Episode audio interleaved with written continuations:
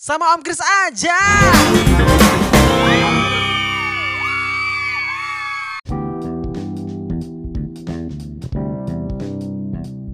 Halo Chan. Hai. Wih, oke. Sekarang kita bergabung dengan Cacan Marichan. Hei hei. Kenapa sih nama itu harus selalu dipakai ya? Heran deh.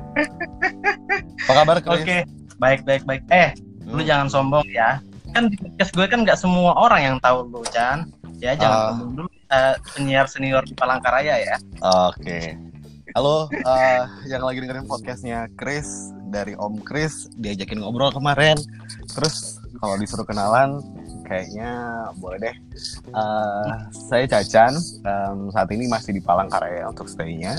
Kemudian so far untuk kerjaannya masih di seputar event, wedding, profesional MC, penyiar radio juga, eh, kadang-kadang juga ngajarin di public speaking juga gitu-gitu. Jadi kalau untuk sekarang tuh so far ya sebelum Ya. musim-musim pandemi lockdown ini kerjanya masih di seputar itu gitu. Nah eh, Oke. kalau untuk penyiar radio sendiri aku tuh baru baru aja di 2006 jadi nggak terlalu lama. Tapi kalau MC Ih, 2006 iya. Tapi kalau kalau tua ya. enak aja. Kamu tua. Enak aja. Tapi kalau untuk apa namanya untuk MC-nya dari 2005 sebenarnya. Jadi lebih duluan jadi MC daripada jadi eh, penyiar radionya gitu. Oh gitu. Eh dulu eh, kalau nggak salah jadi penyiar radio di Ozone FM ya. Iya betul. Kalau dulu itu aku eh, 2006 tuh starting untuk belajar jadi penyiar tuh di di Radio Ozone. Waktu itu di 105,8 FM di Youngster Spirit Radio kan. Nah, terus Oke. itu tuh dari 2006 sampai 2000 2009-an gitu. 2009 awal. Terus aku masuk di TV lokal, itu belajar gimana sih ngerjain TV. Terus juga em, sempat vakum karena aku kerja di perusahaan swasta. Terus balik lagi ke radio 2012 gitu kalau nggak salah selesai kerja gitu. Jadi em, ada banyak lah ya yang yang dilewatin gitu maksudnya sempat vakum gitu tapi tetap kerjaannya nggak jauh dari mikrofon gitu karena so far ya Om Chris mikrofon itu ada Iya, iya. hantunya mikrofon Ya tuh ada kenapa ya? Aku sekarang lagi belajar loh. Ini benar-benar lagi belajar dan makanya aku butuh masukan dari Cacan. Mhm. Karena eh, mikrofon itu tuh karena kita punya tujuan kan. Setiap kali kita ngobrol, setiap kali kita eh, ketemu sama mikrofon itu tuh punya tujuan gitu. Jadi apa nih? Mau cuma ngobrol aja kah atau ada yang mau diinformasikan kah atau mau mempersuasi orang atau eh, kita punya punya scope yang lebih gede gitu. Karena kan dengan dengan Iya. suara kita bisa menggerakkan cerita, bisa menggerakkan orang lain Mhm. juga gitu. Jadi itu beda-beda sih, tergantung purpose tujuannya masing-masing gitu. Iya, aku juga salah satu penggemar Cacan sih saat di radio. Oh ya, Kan zaman-zaman iyalah zaman-zaman dulu. Peres Kasih banget ya. kirim- Peres banget hostnya sumpah. Ntar aku coba bantu share juga. Tapi by, Oke, tapi by eh, the way. Oke, oke, kenapa? Kenapa? aku mau nanya dulu gitu. Nah, Oke. ketika seseorang dikatakan ngefans atau suka sama orang, itu karena Hmm. apa nih? Karena kan orang masing-masing nih sukanya gitu. Nah, itu Hmm. kenapa? Kenapa waktu itu? Oke, contoh kalau misalkan gue suka sama Raisa gitu ya, Mm-mm. ya pasti karena dia punya suara yang bagus, kemudian terlihat cantik. Gitu Oh, aja gitu. sih, karena Karena terlihat cantik dan punya suara bagus gitu. Iya. Oke. hmm, Oke ya. Kalau kalau Cacan kan nggak mungkin. Aku tidak cantik gitu. eh, Jadi yang bilang kamu cantik siapa ya? nggak ada juga sih sebenarnya gitu kan. Oke, cantik. Mampus. Eh, tapi banyak orang nggak tahu loh kalau nama Cacan itu diambil dari dari itu istilahnya. Jadi Oh, kadang-kadang itu Iya, oh iya, gue baru tahu. Oh my god. ini tuh adalah eh, apa baru ini yang aku cerita di maksudnya kalau di obrolan biasa sama temen tuh aku aku bisa cerita Hmm. gitu cuman kalau yang emang aku pure ngasih tahu nama itu tuh mulai dari mana tuh gara-gara istilah kata itu gitu Berarti bener dong tadi aku bilang cantik ya. bener tapi nggak usah diperjelas juga udah cukup aja Eh, eh, yang lalu-lalu kemarin kalau nggak salah itu ada Instagram dandanan ala-ala apa gitu. nah itu tuh adalah jadi gini ternyata kayak comebacknya satu vendor boleh disebut nggak eh, vendornya Mulai, mulai. Nah waktu itu Kak Ijong kan dari Juana Makeup itu dia lama banget gak makeup gitu kan. Terus akhirnya pada musim kayak gini tuh kita kan lagi nggak ada kerjaan nih gitu. Ada banyak waktu kosong yang bisa dipakai buat eh ngisi yuk gitu. Kita bikin bikin sesuatu yang beda gitu. Kalau kita bayar model kan mahal gitu, gitu kan. Terus belum tentu Ah, ah. kita kita harus cocokin jam segala macam Terus diapa-apain agak ribet gitu. Ya udah orang terdekat aja gitu. Jadi kemarin Hmm. itu akhirnya Cang mau di makeup nggak? Ala apa? Macam-macam Ala- ala apa gitu kan terus ya udah gitu kan ya udah akhirnya aku yang di make upin di wardrobein di stylishin jadinya begitu gitu Hmm. sebenarnya sih tujuan itu buat apa ya kayak comebacknya kak Ijong gitu kan udah megang kuasa Mm-mm. lagi walaupun sebenarnya itu nggak nggak totally uh, bener-bener ya karena masih kalau lihat tuh masih kayak ini karena memang kita tujuannya buat fun aja gitu selain promo buat bikin Tahu nggak? juga kenapa Tahu nggak itu aku kirain tuh itu tuh kayak aplikasi gitu jadi aku pencet-pencet eh ini asli kayaknya deh Itu bukan asli. makanya kaget juga Itu Ah, banyak ya, baru- banyak yang nanya. Caca udah pindah ya sekarang ya? Maksudmu deh nggak ada pindah-pindah itu nggak ada ya. Sumpah ya. Ah, gitu. Oke, ini Oke. by the way, sudah berapa lama kita nggak kerja di luar? Kalau aku sendiri tuh sejak pertengahan Maret ya, semenjak yang status lockdown itu udah di, di- diumumkan gitu. Ah, minggu, minggu kedua apa minggu ketiga Maret gitu. Ini kan sudah mulai Mei ya, Mei minggu kedua. Terlalu like dua bulan gitu dan dan sekarang tuh Oke. adalah musim-musim di mana tuh kayak makin ke sini tuh makin terkunci gitu. Karena kan uh, pekerjaan kita kan berhubungan sama banyak orang. Pekerjaan kita tuh berhubungan sama banyak banyak masa klien gitu-gitu kan yang kondisinya sekarang juga tanggal-tanggal yang harusnya aku juga isi baik itu event atau wedding atau MC sendiri tuh udah banyak di cancel dari sejak Maret itu gitu jadi sebenarnya kan Iya, iya. uh, uh, untuk para pekerja kreatif atau seni yang sifatnya bersifat event massal gitu Mhm.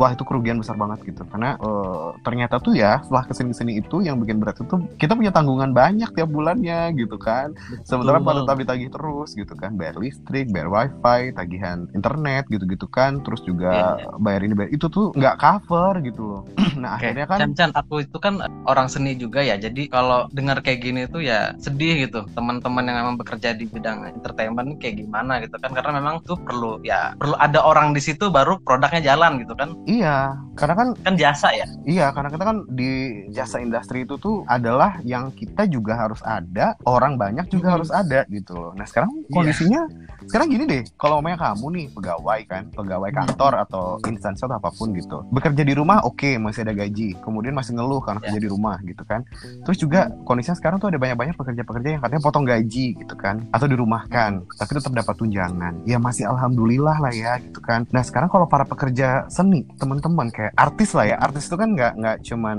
uh, di, di- yang di TV TV aja gitu. Kita juga termasuk artis kan untuk orang lokal. Jadi kayak. MC penyanyi kemudian kru panggung teman-teman tim di lapangan para pekerja-pekerja event support lighting dekor make up dan itu semua pada semua pada akhirnya tuh memundurkan Gigit diri. jari. iya memundurkan diri. Karena kenapa? Situasinya nggak bisa cuy gitu loh. Jadwalnya Iya. jadwal jadwal kita yang udah disusun kemudian adanya peraturan pemerintah bukan himbauan lagi ya.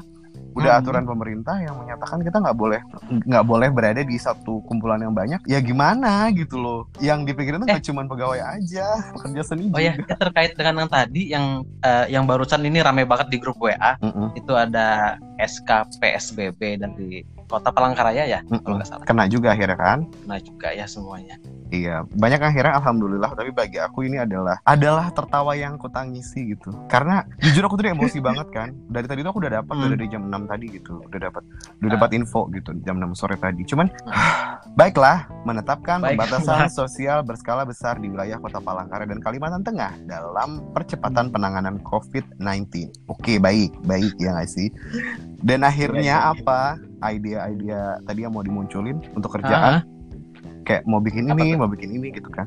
Eh, Oke, karena kan usia, eh, karena kan kemarin sempat sempat mikir juga tuh, kalau mama kita di sekarang kan yang paling bisa mungkin adalah e-commerce, online digital, digital marketing itu masih Yap. bisa gitu kan.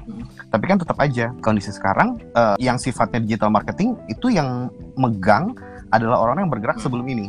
Nah orang-orang yang akan baru mulai itu kan akan kaget Ya. nih, karena mereka harus benar-benar Benar. survive gitu loh. Maksudnya tuh benar-benar mencari lagi belajar gitu ya. lagi dari nol lagi, mencari Hmm. followers lagi, memberikan keyakinan Hmm. orang lagi gitu. Jadi kan usahanya effortnya gede banget gitu. Nah jadi eh, kalau mamanya di- dibilang sekarang, ya semua orang juga lagi berpindah ke digital marketing gitu kan. Kayak aku nih dapat endorse Ya. makanan gitu kan. Eh, Hmm. bersyukur satu masih ada yang mau kasih aku jajan di posisi sekarang gitu kan. Oh bisa menikmati yang orang lain nikmatin juga. Tapi bagi aku, Iya. aku lebih bagaimana nih ngebantuin teman-teman dalam hal jualannya. Jadi kayak gitu. Jadi betul. soalnya kan agak berbeda nih. Ada di istilah dunia digital itu namanya selebgram sama influencer. Mhm. Ada selebgram Ya. yang bisa nge-influence, ada yang selebgram cuma selebgram aja gitu. Ada yang Ya. non selebgram tapi dia bisa influence. Nah, aku menganggap diriku adalah influence gitu. Jadi when I do starting, mungkin ada yang Hmm. bakal ngikutin, bakal ada yang nanyain gitu. Nah, kok. Ah, ah, gitu. Jadi aku kan aku sempat bikin sempat sebar pertanyaan sih. Bedanya selebgram sama influencer apa gitu? Ya, pada nggak Oke. bisa jawab gitu. Taunya influencer itu Hmm. selebgram. No, it's different gitu. Influencer Ya, itu beda. istilah yang muncul karena Ah. dunia digital sekarang. Nah, sekarang pertanyaannya, eh, pernyataannya adalah Mhm. semua orang itu kan perlu dipengaruhi dengan adanya visual dan audio. Nah, ya aku termasuk salah orang salah satu orang yang yang bisa ngebantuin itu untuk teman-teman lainnya yang perlu bantuan gitu aja gitu. Jadi kalau sekarang aku nggak bisa jajan, aku dijajanin teman-teman, aku bantuin mereka balik dengan cara aku bantu promosi kayak gitu. Jadi kalau sekarang yang paling mungkin terdekat ya itu gitu loh. Jadi yang bisa dilakuin ya sejauh ini itu. Kemarin juga sempat ditanyain tuh, e, kenapa nggak coba usaha lain Chan? Tidak segampang itu Hmm. untuk memulainya gitu. Kenapa tidak Nah, segampang itu? Kenapa eh, kemarin sempat ada ngobrol sama salah satu pengusaha muda juga dari Palangkaraya yang tinggal di Jakarta. Mention gak sih nih? Nggak apa-apa. Oh ya, kemarin orang ngomong sama Banana, Banana Narang gitu kan. Ada aku ada live, Oh, live Instagram gitu. Ah. Karena itu Ah. termasuk yang positive mind gitu. Ternyata dia adalah seorang perempuan yang punya Hmm. usaha banyak gitu. Dan ternyata dia juga harus banyak tanggungannya juga karena semakin gede usahanya orang semakin banyak gitu.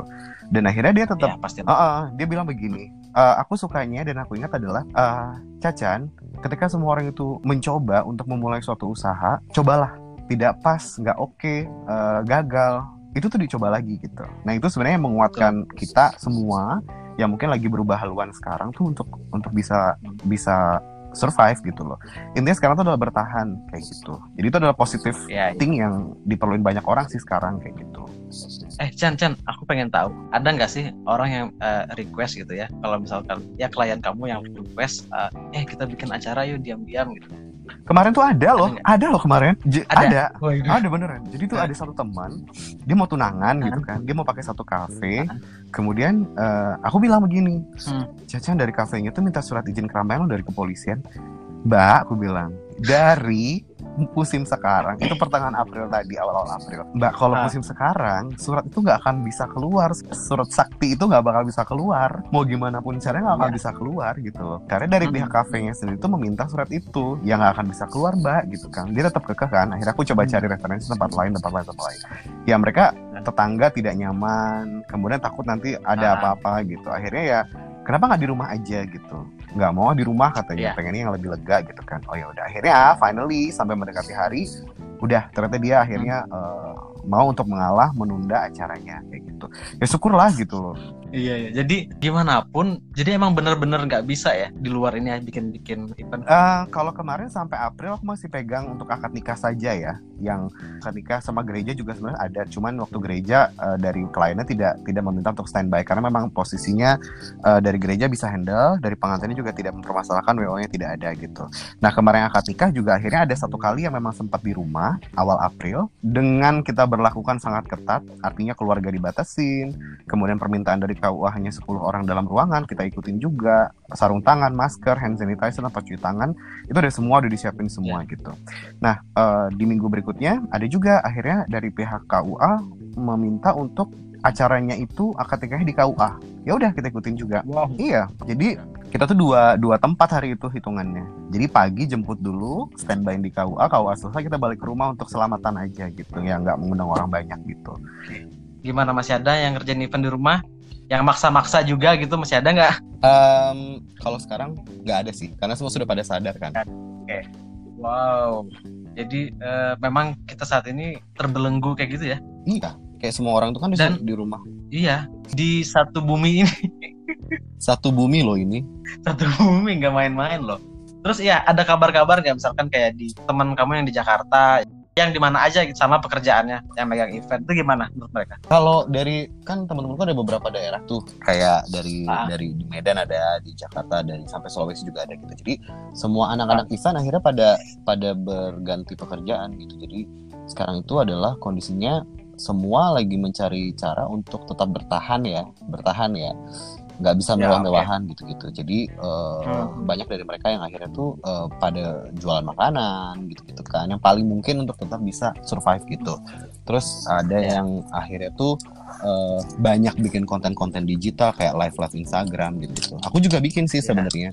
Tujuannya sih lebih ke supaya otakku jangan buntu gitu. Karena kalau buntu akhirnya kan kita nggak dapat kita bawaannya negatif terus gitu. Betul Chan, itu dia kenapa aku buat podcast ini juga gitu supaya aku tuh ya nggak buntu juga sih. Karena gini kerjaan kan ngajar gitu sebagai dosen. Jadi kalau biasanya kan sama mahasiswa interaksi langsung di kelas gitu ya. Dan kita juga melakukan kalau misalkan di apa namanya eh, pembelajaran itu kan sekarang versi itu versi daring kita belajar jarak jauh. Tapi ya itu bukan kebiasaan kita kita kita nggak habit di situ gitu. Em, kalau jadi kalau aku juga kan aku ada kelas juga nih sama beta kan di public speaking gitu. Hmm. sebenarnya itu pengen juga bikin kelas digital gitu. Cuman kalau di aku itu kelas digitalnya itu karena harus lihat mimik muka langsung postur badan dan lain-lain jadi memang agak agak susah untuk untuk diterapkan dengan sistem digital karena kita emang harus lihat langsung kan. Bisa-bisa aja sih dicoba cuman kurang efektif aja rasanya gitu. Gitu. Oke terus sekarang tadi masih siaran ya Chan ya? Masih dong. Siaran itu tetap mem- Masih. tetap membuat saya harus waras gitu. Iya dong.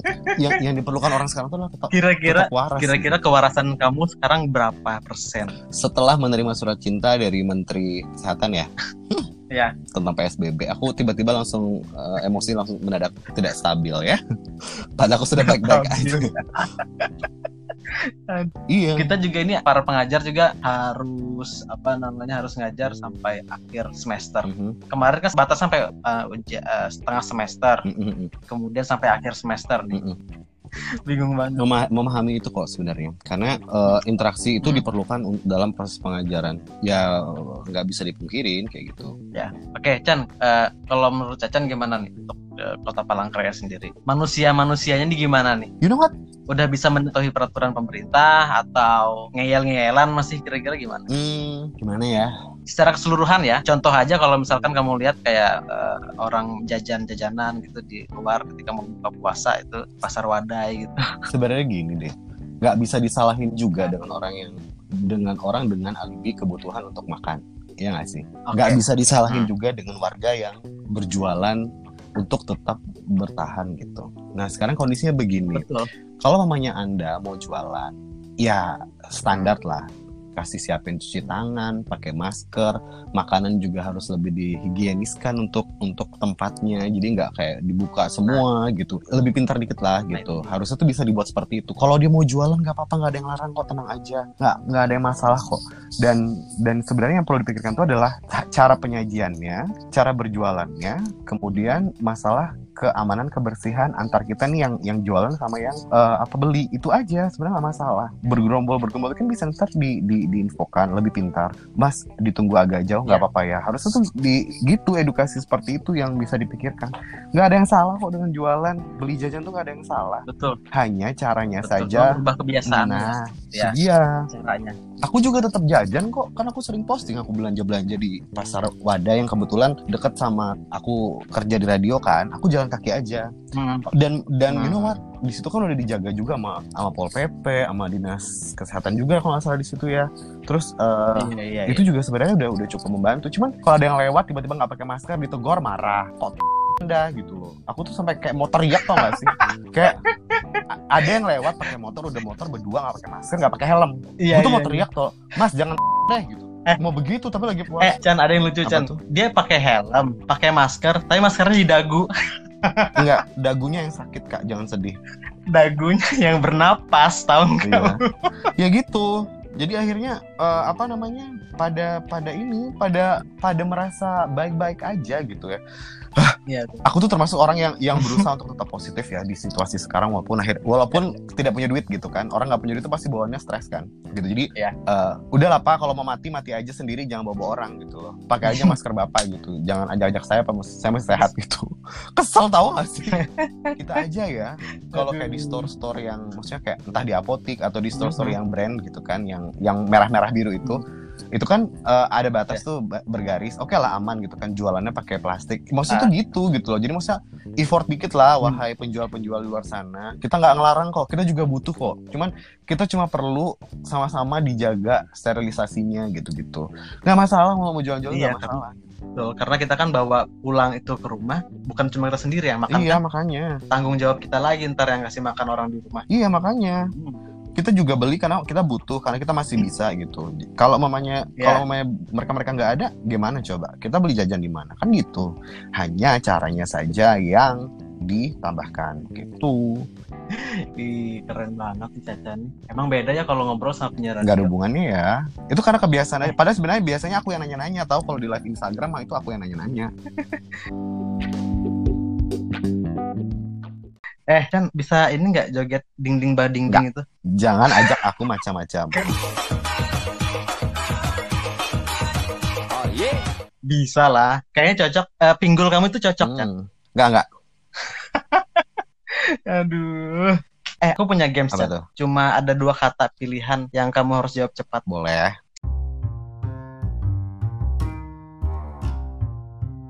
Oke. Jawab cepat ya. Ya, jawab cepat. Pilih satu kata ya. Oke. Oke. PNS atau swasta? Oke. Kuliah atau kerja? Kerja. Oke. Eh, radio atau WO? Uh, WO. Udah itu aja cukup kok. Kalau pertanyaan terakhir itu tuh apa ya? Ngebunuh sebenarnya. Karena gini, radio itu kan sudah bagian dari hidup ya. Mau dibayar berapa? Iya, iya, iya. Mau dapatnya apa gitu. Radio tuh tetap menjadi part Tapi kamu kan butuh yang itu ya, berarti ya, butuh kehidupan yang bener-bener panjang. Betul. Dari radio juga aku belajar bagaimana caranya Ah. mengontrol suara, ngebikin suara gitu. Karena banyak yang akhirnya, Chan suaranya bagus, Chan suara bagus gitu. Kadang aku mikir, emang iya bagus gitu, emang iya ini gitu. Eh, pengen dong medoknya hilang, pengen dong ini. Tadi tuh ada yang nanya gitu kan, ada yang nanya anak-anak gitu kan. Kak aku mau Ah, belajar dong ah, ah. bisa ngobrol kayak gitu. Ya kau bisa gitu. Aku aja bisa menggunakan bahasa bahasa Dayak logatnya bisa, bahasa Jawa, bahasa Banjar, Hmm. bahasa Medan, bahasa Manado, maksudnya bahasa Inggris itu bisa di, di dicobain. Yang penting itu kan dila- dilatih Oke, aja. Chan, Chan. Apa? Chan ini menarik banget, Chan. Menarik. Jadi gini, selama ini kan aku beberapa episode ini udah, udah ada ngobrol, Hmm. ngomong. Itu ada yang nilai, Chan. Yang nilai itu istri aku. Baik. Nah, dia menilai eh, logat Dayakmu kental sekali.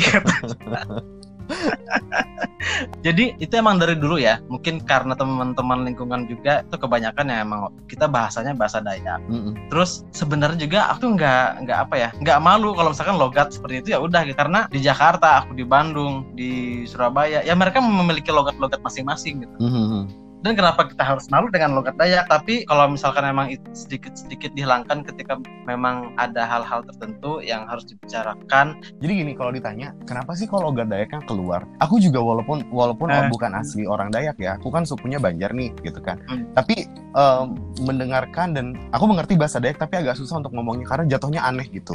Kalau mau bahasa Jawa juga jatuhnya Hmm. aneh gitu. Ngomong bahasa Sunda teh langsung liar gitu, langsung aneh gitu modelnya gitu. Tapi ngerti gitu kan. Eh, sekarang gini, eh, kita menggunakan bahasa itu tuh bahasa atau dialek atau logat itu tuh kan ada tempatnya ya. Kalau di rumah boleh lah gitu kan. Kalau Ya. lagi begini mungkin bahasa Ah, Indonesia ah. ngebantu eh, memudahkan orang lain untuk mengerti gitu karena kita menggunakan bahasa yang umum digunakan. Nah, ketika bahasa atau logat dialek itu keluar, itu tuh satu memunculkan ciri khasnya kita dan memunculkan kita dari mana gitu. Kemudian yang kedua, kalau orang tuh salah dalam mengambil informasi dari kita, orang akan ingat itu dialeknya aja.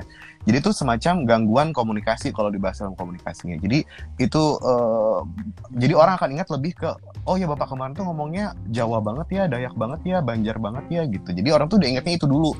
Nah main main information atau informasi utamanya tuh jadi agak kelewat gara-gara keinget yang logatnya itu gitu. Em, Aku pengen komen ada logat gitu. Jangan jangan. Oke. kalau di ah aku tahu. Ah kalau itu sebenarnya gini karena menganggap ya enggak enggak gini. Kalau namanya ada yang tetap tetap berkeras dengan dialek atau logat seperti itu tuh karena ya udah yang penting aku ngomong. Ah Hmm, hmm, hmm. sementara yang dengar belum tentu nyaman dengan apa dan dan bagaimana dia berbicara gitu. Jadi kalau memang kalau memang kita mau orang tuh dengerin kita secara nyaman, ya kita juga harus bikin mereka nyaman juga dengan cara kita berbicara gitu. Aku juga termasuk ngomongnya cepet ya. Jadi kadang-kadang kalau on mic itu kadang bisa lupa diri gitu saking cepetnya gitu. Karena aku bisa switching switching Hmm. dialek atau bahasa tuh dengan cepat karena udah terbiasa untuk ngobrol. Nah, jadi kalau memang kita menyadari informasi kita itu harus didengar dengan baik, dengan tujuan yang tepat, ya kita Ah. juga harus bisa me- mengupgrade skill itu gitu. Gitu.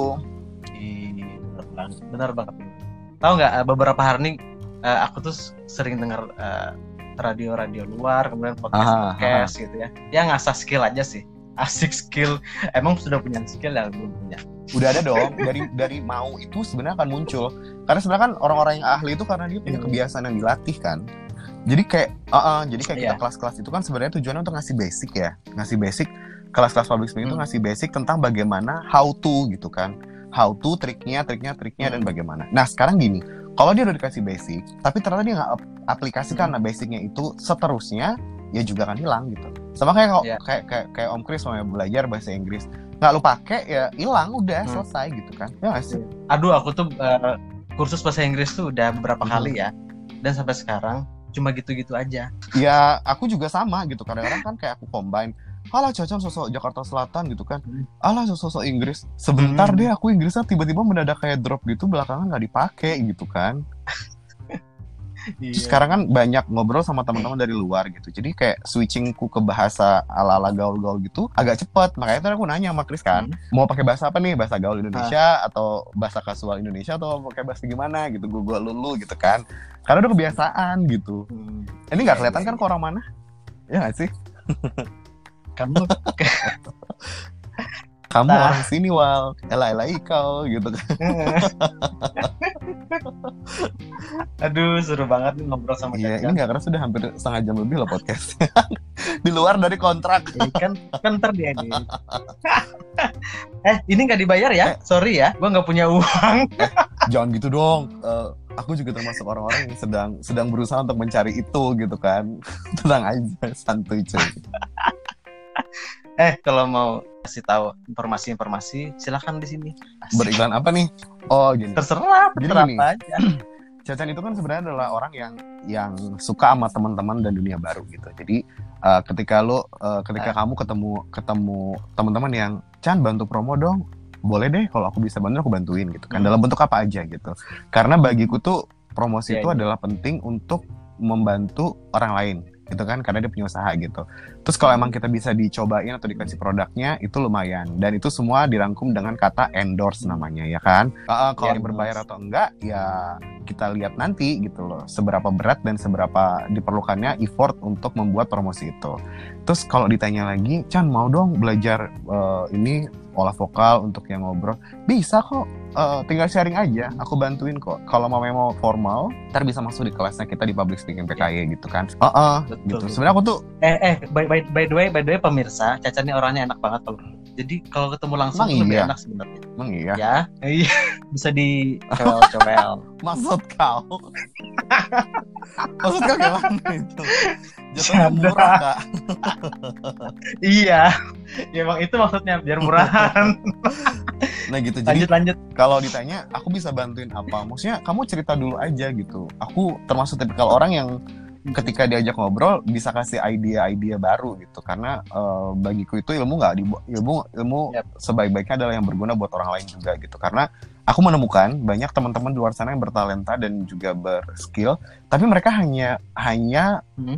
untuk dirinya sendiri aja gitu. Jadi kalau aku tuh lebih senang nggak tahu ya eh, sekitar 5-6 tahun terakhir itu kayak lagi suka bangun soft soft skillnya orang gitu. Terus kayak ngemotivate orang untuk jangan jadi mahasiswa saja dek kamu mau lulus jadi mahasiswa Iya, iya. iya. murni atau mau jadi mahasiswa berpengalaman gitu kan dari yang tadinya tuh kayak Iya. beberapa tim ya dari orang yang pertama emosian segala macam gitu gitu kan pas masuk di tim tuh langsung jadi orang-orang yang kayak Hmm. gue kaget gitu kok jadi kayak sabar banget kok jadi humble banget sama orang gitu gitu kan maksudnya kayak kaget gitu Terus kita Ah, ah, senang gitu kenapa? kan. ternyata ternyata dia bisa Hmm. mengaplikasi- mengaplikasikan dirinya sendiri baik untuk orang lain kayak gitu karena kan prinsipnya kita kerja tuh bukan untuk dinilai akunya yang bagus tapi di mereka yang bagus gitu loh karena mereka itu kan nanti mereka nggak buka jalur sendiri-sendiri gitu terus sekarang tuh kayak nggak tahu ya eh, kadang-kadang aku bisa mendadak ngomel Hmm. gitu kan kayak teman-teman gitu kan Chan Hmm. kamu kenal sama yang ini kan yang punya ini yang punya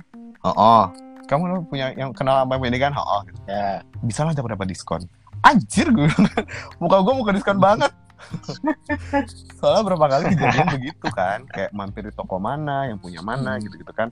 Eh, bilang aja teman Caca nanti dikasih diskon kok. Iya bener dikasih diskon loh. Makasih ya buat teman-teman owner-owner yang udah kasih diskon buat kenalan kolega dan teman-teman aku tuh luar biasa loh kalian. Mengatasnamakan aku tapi dapat diskon. Luar biasa. Besok besok lagi ya iya kuncinya cacan Iya, aja Tapi kan itu nggak ada nggak rugi buat aku juga gitu loh. Untung di mereka teman-temanku juga akhirnya bisa kebantu dan harga lebih murah. Tapi jangan pernah tanya harga teman ya. Nggak ada itu kasusnya ya heboh. iya aduh kira-kira ngobrol apa lagi ya Chan? aku akan bisa jawab yang sekiranya aku juga mengerti ya. Jadi kalau kondisinya sekarang, kondisi sekarang ditanya ngobrol apa, ya Mhm. aku berharap ngobrolnya bisa tetap waras gitu kan karena aduh udah di rumah aja tuh udah berapa dra- berapa drama Korea berapa kali game win streak gitu gitu kan udah drama Korea emang udah nonton Ah, apa aja? lagi sangat tertarik sama A World of Married Couple ceritanya tuh uh, oh kese- iya. keseharian belum, banget. gua belum. tapi bisa menjadi viral. Kemudian uh, they mereka tuh punya cast punya pemain yang akhirnya bisa ngebuat orang jadi suka sama benci sekaligus gitu. Nggak tahu ya mungkin alur cerita bagus. Atau mungkin di masa sekarang tuh kayak orang pada sentimen semua jadi ke bawah perasaan gitu. Nah yang lagi ongoing aku lagi nonton Crash Landing on You masih Korea juga. Jadi kayak belajar Iya. Ah, ah. aku aku udah itu. cerita, Gua usah udah. Belajar bagaimana Korea Selatan sama Korea Utara gitu kan, perbedaan kehidupannya gitu-gitu lebih ke situ sih. Ini ya gue Nah, cerita, usah, ini gue usah, ceritain ya dari usah. awal. oh ini podcast udah selesai makasih ya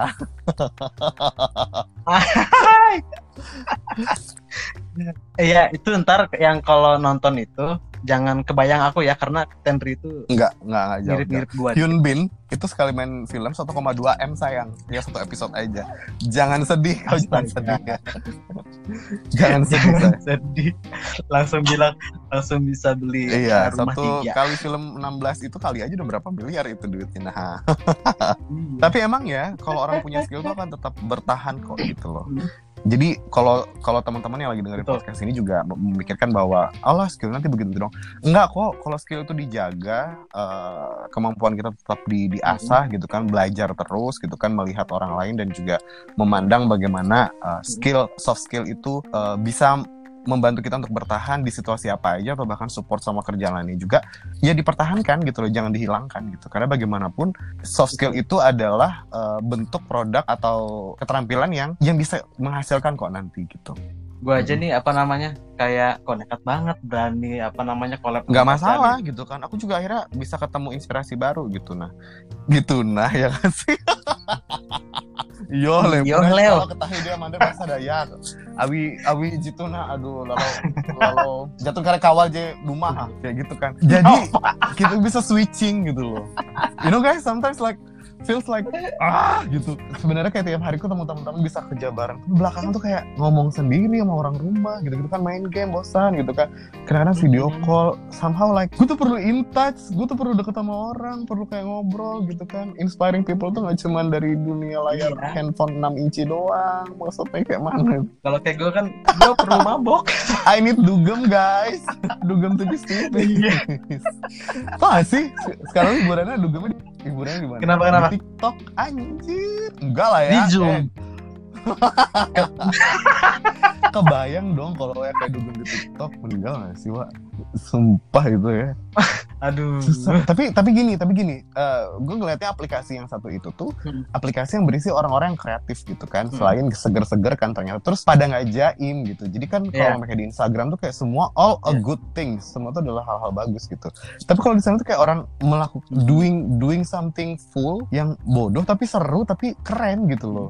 How they act, how they dance, how they connecting between another music and and dance gitu kan itu kayak wow keren ya mereka ini gitu Hmm. maksudnya seru gitu loh maksudnya keren gitu Eh, oke by the way, tahu kan sekarang lagi heboh-hebohnya tuh yang si personal SID, si Hmm, tuh. setiap orang itu punya punya statement punya cara untuk menanggapi perihal gitu Hah? karena mungkin dia adalah orang mungkin adalah orang yang berprinsip memiliki idealis sendiri kemudian dia juga berani untuk menyuarakan apa yang dia rasain sekarang jadi gue tuh lebih mencoba untuk menghargai gue nggak punish ya jadi kalau gue ngeliat si Jerry Hmm. yang juga disupport sama istri nggak disupport sih Hmm. yang maksudnya istrinya juga membiarkan suaminya untuk dalam idealisme itu ya aku sih nggak masalah gitu. Karena setiap orang juga Hah? bebas untuk berpendapat kan. Jadi kalau masalah Jerry as long as he is responsible with it ya nggak masalah gitu. Karena uh, dia akan balik lagi. Karena itu akan kembali ke dia kan. Kalau ternyata pemerintah atau yang terkait mengambil kebijakan terhadap Mhm. dirinya ya itu adalah urusannya dia. Karena dia punya suara kan. Dia punya hak dia punya kewajiban untuk menjawab membela menerima dan juga membela dirinya sendiri kayak gitu kalau gue sih bilang kayak gitu. Karena semua orang karena dia public figure ya jadi tuh lebih muncul gitu. Sama kan yang kayak kasus viral ngasih ngasih hadiah sampah itu itu juga kan se- uh Iya di sampah. Itu kan sebangsa lu kan yang mulutnya ya. Baik, baik kau anda ya enggak nah tapi itu emang, emang keterlaluan sih sebenarnya dari video-video sebelumnya juga dia emang udah nggak menghargai manusia dia nggak memanusiakan manusia cuy Iyalah, Iya. nggak nggak boleh gitu. Namanya manusia itu kan mereka juga nggak nggak pengen kayak gitu loh. Doing pengen. kalau mau viral itu doing in a smart way lah ya jadi jangan sampai ntar kalau keviralan itu malah bikin Ya. itu jadi bodoh di depan banyak orang kayak gitu Tapi dia masih ya kan aja masih ya belum kayaknya. ketemu kan? Iya belum. Wah kalau ketangkap itu, gue sih ikut dagu. gue bakal ketawa lu keren cuy. Besok lagi lagi ya. Biar biar kenapa? Kenapa? Tau gak sih lu? Soalnya berita-berita sekarang itu isinya corona covid corona covid gitu kan. Nggak ada yang interesting. Yang terbaru kan barusan nih si siapa? Eh yang ganteng itu yang ketangkap gara-gara narkoba. Mungkin gara-gara capek kali di rumah sendirian bosan. Akhirnya mana ditangkap gara-gara narkoba. Itu aha. Roy Kiyoshi. enak kali ya. Iya Roy Kiyoshi gara-gara narkoba. Baru-baru aja nih. Mungkin dia lebih seru iya lebih seru di kantor Oh polisi iya, kalau ada bener. teman daripada di rumah sendirian bosan. Gitu. Bener juga dia. Ah, salah cuy. Oh iya bener ya, ini aku juga sambil lihat Roy Kiyoshi ketangkap terkait kan? tisu iya ketropika. nggak sih Kamu pakai dulu nggak? pernah sempat ditanyain Cacan tuh pakai pakai obat nggak sih katanya Hmm. kadang tuh pada nanya gitu kan tiba-tiba gue ngerjain ini loncat Iya. ke sini nanti ada di sini Soalnya kan lincah banget ya. batas Cacan tuh kan lincah. gitu.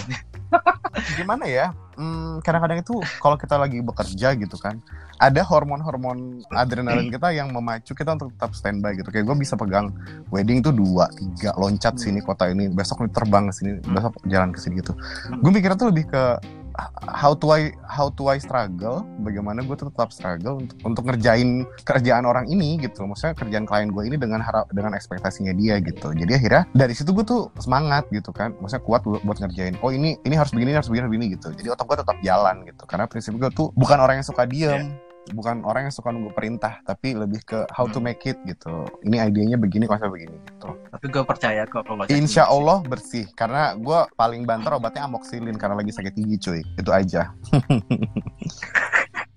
Eh Ya, ada juga ya. tua. ya. tapi tapi tenang Eh, aja. Eh, Tapi Chan, aja gue belum minum Eh, obat kenapa, tenang kenapa? kok. Tenang aja ya. Oke, Chan, kayaknya kita oh udah gitu ya? lama banget ini ternyata ya. Mau Iya, satu edit lah jam, kuat-kuat cuy. deh semoga aja bisa berhasil ya Iya. Oke, kira-kira la- lagu untuk penutup kita apa nih? Lagu penutupnya apa ya hmm, Apa ya? ntar dikasih lagunya ini aja nih Dewa 19 kangen Oke, ih, tapi yang versi ya. Dewa Kangen 19 siapa ya? ya karena tuh kita tuh lagi bener-bener rindu banget untuk untuk sama semua orang Eh, rindu banget karena nggak bisa berkumpul gitu-gitu tapi still in positive way gitu Ya udah kalau gitu. Ih, Chan, makasih banget loh ya. Eh, Caca ini menginspirasi banyak orang. Kemudian memberikan pelajaran juga ke gua yang benar-benar masih Mhm. newbie di bidang ini, di bidang talking talking. Mm-mm. Oke, em, kalau gitu kita udahan dulu, terima Chan. kasih sukses Thank you banget ya. salam buat istri dan anaknya yang gemai gitu ya Ya, Terima Oke, kasih. Cacan. Thank you.